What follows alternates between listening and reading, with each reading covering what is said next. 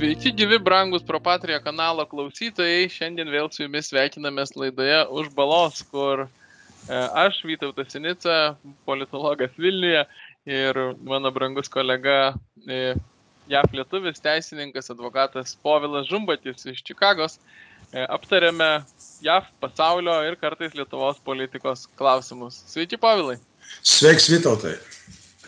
Šiandien turim, sakyčiau, kaip reta daug temų, klausimų, įvykių pasaulyje, į vidaus politikos reikalus vargiai, bet teks nueiti, nes e, iš tiesų reikia aptarti dalykus, a, retai sakau šitą žodį, globalius. Ir svarbiausias dalykas, ko gero bent jau iš Lietuvos perspektyvos žiūrint, tai yra tai, kas dėjosi šį savaitgalį Rusijoje. Dėjosi surrealūs dalykai ir aš taip drįščiau sakyti, kad niekas tvirtai nesijaučia vertindamas tai, kas įvyko. E, labai įdomu pakalbėti pirmiausia turbūt apie pačius vertinimus, kokios yra interpretacijos ir kaip reaguoja JAV politikai, visuomenė, apžvalgininkai į tai, kas įvyko savaitgalį Rusijoje. Be abejo, kalbu apie tą maištą ar galbūt suvaidintą maištą, kurį Prigožinas organizavo prieš kariuomenės vadus. Vytautai, šiandieną e, reikia prisiminti, kad yra birželio 27, kai rašom šitą pokalbį kadangi žinios iš Maskvos ir Rusijos keičiasi kas dieną, kas valandą. Kas liečia Amerikos žiniasklaidą, tai yra įdomu, kad turbūt dar nėra gavę įsakymą iš viršaus, tai rašo įvairiai. Nėra vienoda nuomonė. Vieni galvoja, kad čia buvo pats Putinas organizavęs, parodyti, kaip jis moka susitvarkyti su disidentais. Kiti aiškina, kad čia yra pradžia civilinio karo ir bandymas nuversti Putiną. Tai yra vienas ekstremistas, kiti ekstremistai. Bendros nuomonės, aš manyčiau, kad dabar Amerikoje žiniasklaidos bent sprendžiant nėra. Iš politikų irgi yra labai tyla. Aišku, Baideno globėjai neleidžia Bidenui pasisakyti. Turbūt bijo, kai jis nepasakytų, kad long live the queen. Kaip jis pasisakė praeitą kartą per spaudos konferenciją. Tai iš Amerikos taško yra tam tikras susimaišymas, nėra aiškios nuomonės. Nėra ir Lietuvoje, aš drįščiau sakyti, e, tikrai labai daug interpretacijų ir turiniu žvelgiant visas jų spektras nuo manančių, kad tai yra visiškai, na, inscenizuota paties režimo palaiminta akcija, kuri e, ne, negalėjo to režimo nuversti, nes jam pačiam buvo reikalinga dėl vienokių ar kitokių priežasčių, iki, iki požiūrio, kad tai buvo realus bandymas tą padaryti ir kad e, mėtėsi elito struktūros, tai kągi čia palaikyti. Ir tokiu atveju, ypač antruoju atveju, jeigu tai nebuvo suvaidinta, tai tada, kad e, tas Prigožino apsisprendimas susitarti ir, ir nebandyti kažkaip jėga versti režimo, jis buvo, na, didžiulė klaida, kuri greičiausiai kainuos jam gyvybę, nes Putinas tokių dalykų neatleis. Faktas vienas, dėl ko turbūt beveik visi sudarėm, bent jau socialiniuose tinkluose, lietuviškuose, stebint pastarai savaitgalį, tai buvo, kad visi sirgom už gerą kovą sporto terminais kad vis dėlto Wagner, jeigu jau juda link Maskvos, tai ir judėtų ir kuo toliau nueitų ir kad nepasidavinėtų visi, o kad kova įvyktų ir kad abi pusės gerai pultų ir prastai gintųsi. Na, žodžiu, visų interesą stebint šitą, iš tikrai, sakyčiau, neįtikėtiną reiškinį, e, atrodė, kad, na, tegu trunka tai kuo ilgiau, kuo sunkiau, klampiau, pareikalauja kuo daugiau aukų, nes na, aukos pilietiniam kare Rusijoje tai yra galimybė Ukrainai. Tiesą sakant, buvo dar vienas leitmotyvas, ką tuo metu daro Ukraina, ar jinai gali kažkaip pasinaudoti ir, ir kažkokį proveržį padaryti šitoje situacijoje, nes aišku, jėgos kariuomenės Rusijos nebuvo permestos staigiai ginti Maskvos ar ką, vis tiek fronte laukia kariai, bet tie kariai, nu, reikia manyti, kad irgi žinojo, kas vyksta, tam tikrų mastų ir aš bandau įsivaizduoti Rusijos karių, na, tą vadinamą kovinę dvasę, moral, e, a, tokių įvykių kontekste, kiek verta kovoti su Ukraina, kai, kai tu matai, kad čia nebeaišku, kas tavo šalį valdo ir, ir kas yra tas režimas, už kurį kovoji. Žodžiu, situacija tokia įdomi. Mane labiau beje įtikina, jeigu galiu leisti iš čia į subjektivumą ir savo paties nuomonę, kad tai turėjo būti derintas ir planuotas veiksmas, paprasčiausiai todėl, kad iškalbingas faktas, kad porą savaičių jau iki, iki šitų įvykių JAV žvalgyba, bent jau post factum tai paaiškėjo, kad JAV žvalgyba turėjo informacijos, kad taip bus ar kad yra rengiamasi tam. Jeigu turėjo jav žvalgyba, reikia manyti, kad nu, ir Rusijos struktūros turėjo matyti, kad kažkas tokio bręsta, kad tai įmanoma ir galėjo užkirsti tam kelią, bet neužkirto. Po to neužkirto kelio ir procese, ar ne, įmant vieną po kito tuos miestus, judant šimtais kilometrų Rusijos teritorijos. E, kodėl? Vienintelis paaiškinimas būtų, kad arba sutarta, arba iš tikrųjų visiškai persimetė jėgos struktūros ne Putino pusėn. E, nežinau, kuris iš šitų dalykų būtų sunkiau įtikinamas. Ir aišku, jeigu tai yra sutarta, atsiprašau, užsivedžiau tuoliausios, jeigu tai mhm. buvo sutartas veiksmas tarp režimo ir, ir prigožino, tai tada koks motyvas, ką iš to norėtų išlošti režimas, kokį pliusą jis gauna po viso to, kas įvyko. Labai sunku pasakyti, nes nu, ir minusų yra. Tikrai turėjo susviruoti tas režimo jėgos įvaizdis, įspūdis ir autoritetas galų gale po viso to, kas įvyko. Čia būtų svarbu turbūt pasižiūrėti dar vieną dalyką. Kokios reakcijos buvo Rusijoje? Gal iš jų galėtume suprasti, kaip reikėtų reaguoti. Įdomu yra, kad Rusijos propaganda panašiai kaip ir Amerikos žiniasklaida neturi vienodos nuotaiko, nu, aiškiai, požiūrio. Mhm. Paprastai rusų propaganda gėda iš viedų bal, vienu balsu gėda.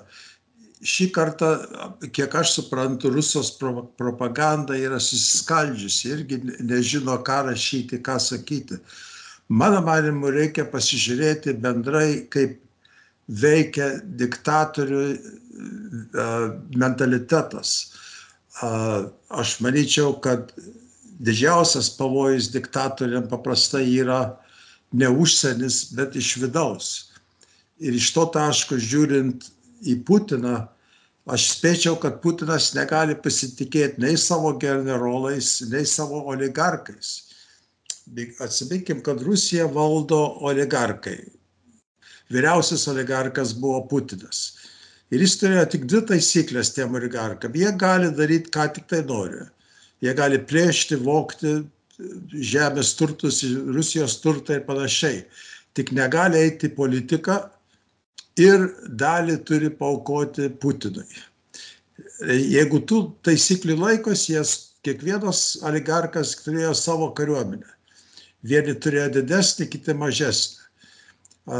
Prigausin aiškiai turėjo didžiausią kariuomenę, kuri buvo labai naudinga Putinui.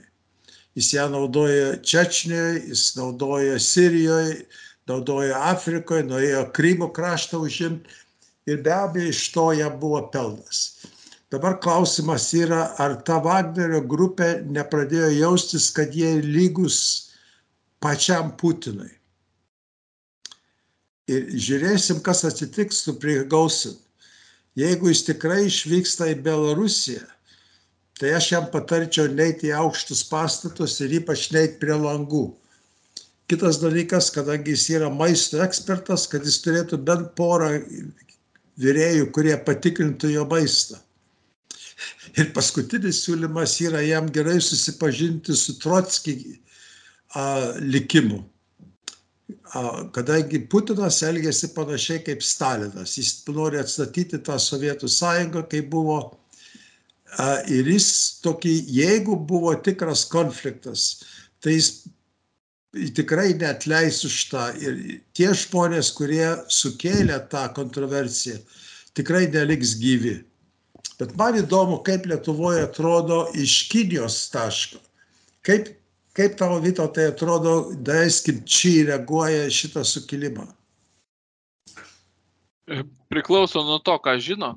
Aš manau, kad Kinija, nu, man visada vertinant Kiniją yra išeities taškas, kad Kinija žiūri tik savo nacionalinių interesų ir kaip sustiprinti savo santykinę jėgą lyginant su JAV. Todėl aš visada stebėdama šitą karą maniau, kad Kinija, žiūrėdama į Rusijos-Ukrainos karą, turėjo matyti, kad partneris, su kuriuo kartu tikėjosi pranokti JAV, globalioje arenoje yra silpnesnis negu įmanė ir tai turėjo tiek, na, apramdančiai veikti Kiniją, nes tas be, be Rusijos, kokią įsivaizdavo mes ant antrąją pasaulio kariuomenę, e, viskas yra sunkiau negu Kinija planavo. E, ir šitoj vietoj, kodėl sakau, viskas priklauso nuo to, kokią informaciją disponuoja Či, todėl kad jeigu jisai ką nors daugiau žino negu mes, tada jisai gali, na, vertinti, pavyzdžiui, jeigu tai yra suderinti veiksmai tarp Prigožino ir Putino, tada jis gali nenusivilti ir nematyti tokio silpnumo. Bet jeigu tai nėra suderinti veiksmai tarp Prigožino ir Putino, jeigu tai, kas vyko čia savaitgalį, yra kažkiek tikra ir autentiška, nu, tai be abejo yra pakrikimas ir silpnumas Rusijos. Ir tada aš sakyčiau, kad tai yra dar vienas žingsnis Kinijoje nusivylimų Rusija kaip kažkuo, kuo gali remti savo schemose. Nu ir kartu tada kaip paskata, kad reikia Rusijos atžvilgių na, tiesti nagus, nes Rusija akivaizdžiai parodė, kad yra nepajėgi prireikus išlaikyti savo netgi ir teritorijas.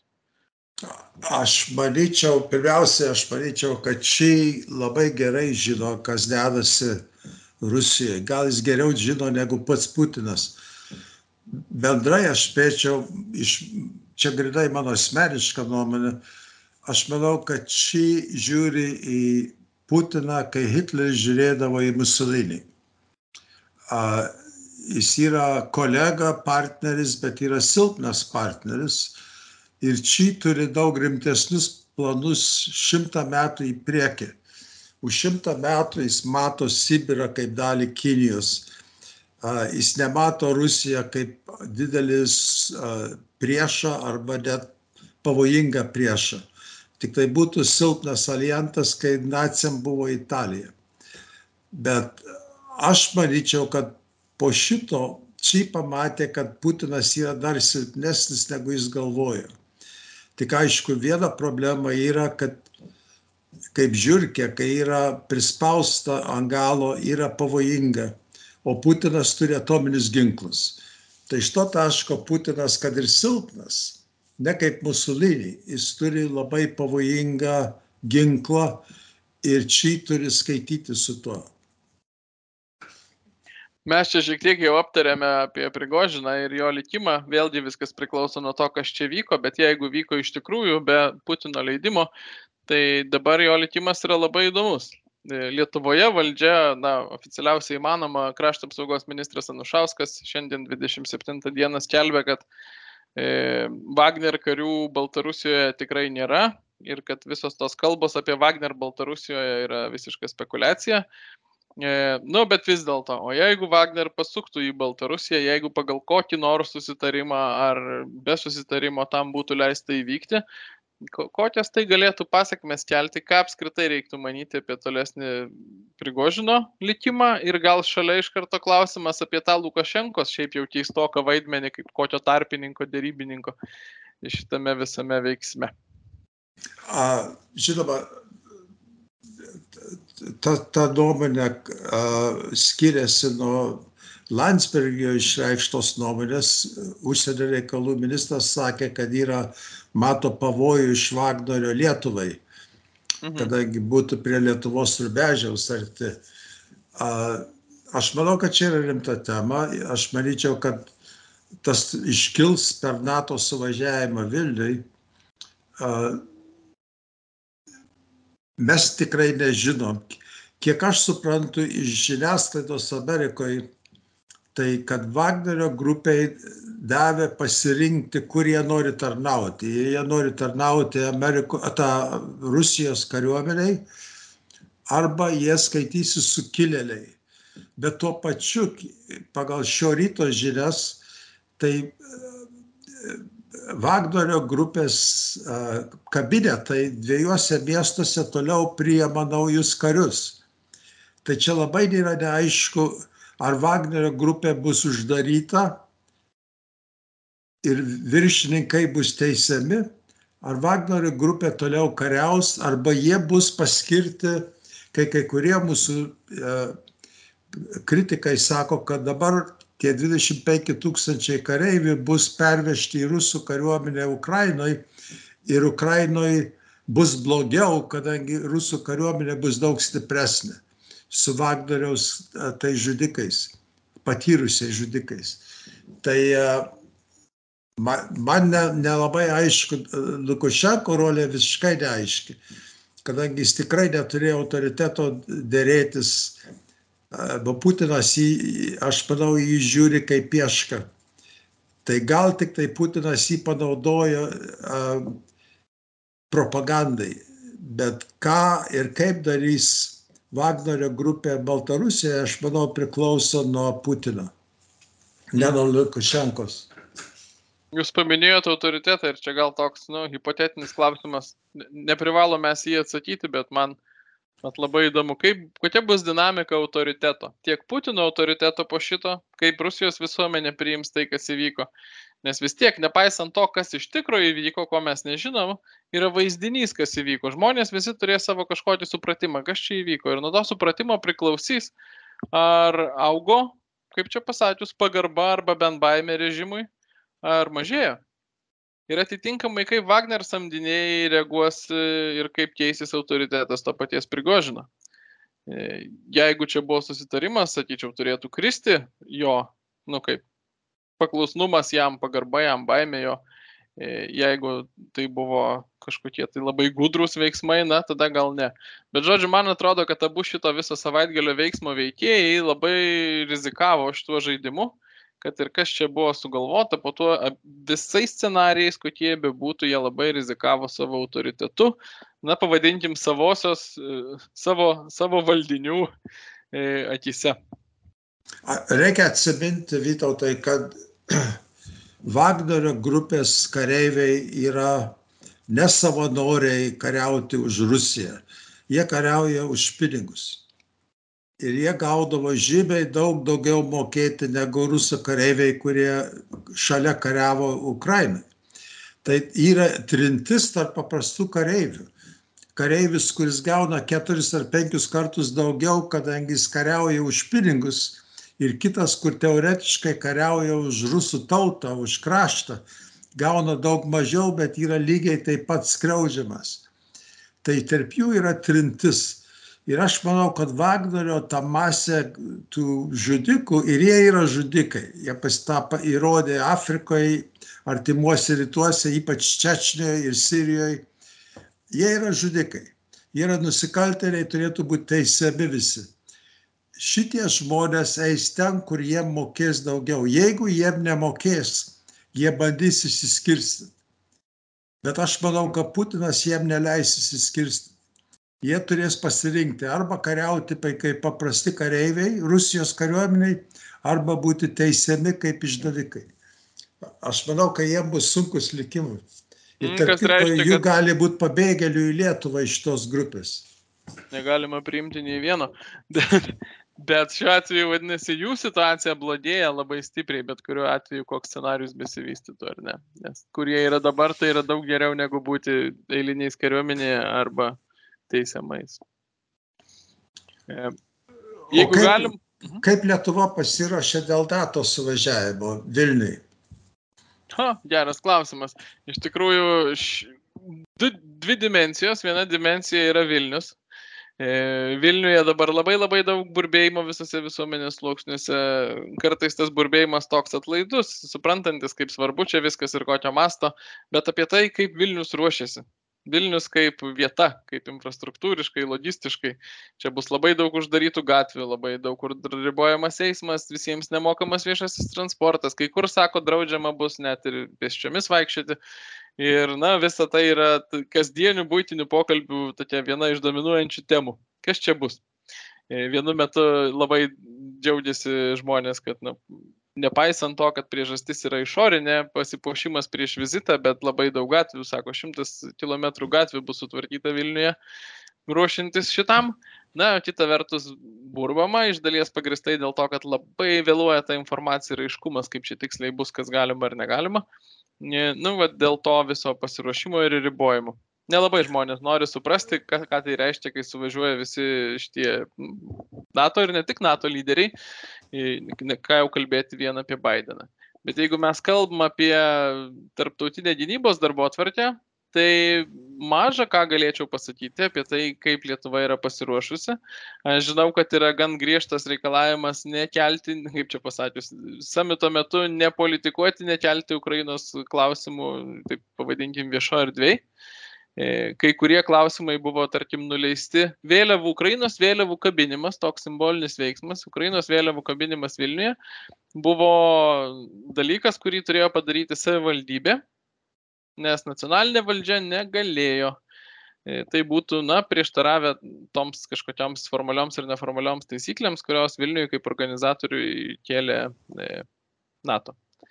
Tai vat, O kaip, ką, pats, ką kaip, kaip, tarybos, kaip tarybos, Vilniaus tarybos narys, kaip jūs, kaip jūs tą apkalbėjot Vilniaus tarybai? Ką būtent? A, tą suvažiavimą nebuvo apkalbėjimo Vilniaus taryboje apie tą suvažiavimą. Tai yra, nu, čia gal yra specifika Lietuvoje savivaldos, bet absoliuti dauguma klausimų yra sprendžiama administracijos, e, ne tarybos. Faktiškai vos ne ta rezoliucija dėl vėliavų kabinimo ir nekabinimo buvo vos ne vienintelis klausimas, kurį sprendė taryba. O apie tai, kaip pasiruošti priimti, kaip sutvarkyti visus tos procesus, su, suvaldyti srautus, užtikrinti saugumą be abejo visų pirma, E, absoliučiai jokia forma tarybos narių tai nelėtė. E, ir tiesą sakant, bandymai kažką tai ten patiems bandyti įsikišti daugiau negu iš tavęs nori, tai nebuvo, tiek žinau, niekam nebuvo sėkmingi. Mums sunku suprasti, jeigu Vilniaus valdyba, taryba neturi žodžio tokiam e, renginiui, mums sunku suprasti iš čia.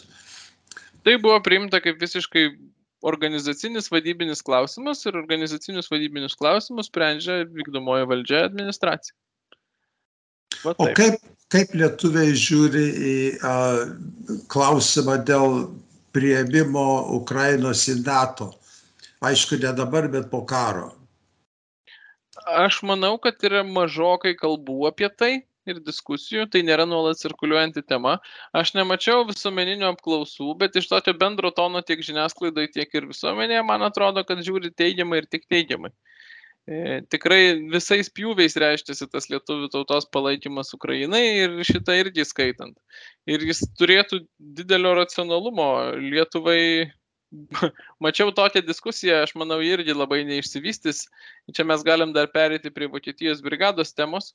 Vokietijos brigados Lietuvoje klausimo fone buvo iškeltas toks klausimas. E, kažkuris iš aukštų pareigūnų pačios Ukrainos pasakė, kad jeigu mes būtume NATO nariai po karo, tai Lietuvoje, pavyzdžiui, stovėtų ne Vokietijos, o Ukrainos brigada. Ir mes to norėtume ir tikiuosi, tikimės, kad ir Lietuva to norėtų.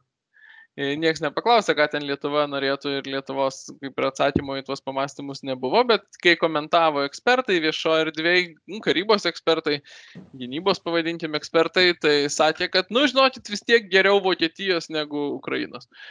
Tai o toliau tas klausimas yra, kad pastarosiam dienom, jūs aišku irgi matėt, vystosi Vokietijos brigados klausimas tarsi pozityvę linkme. Nežinau, ar jūs norėtumėte tai pakomentuoti.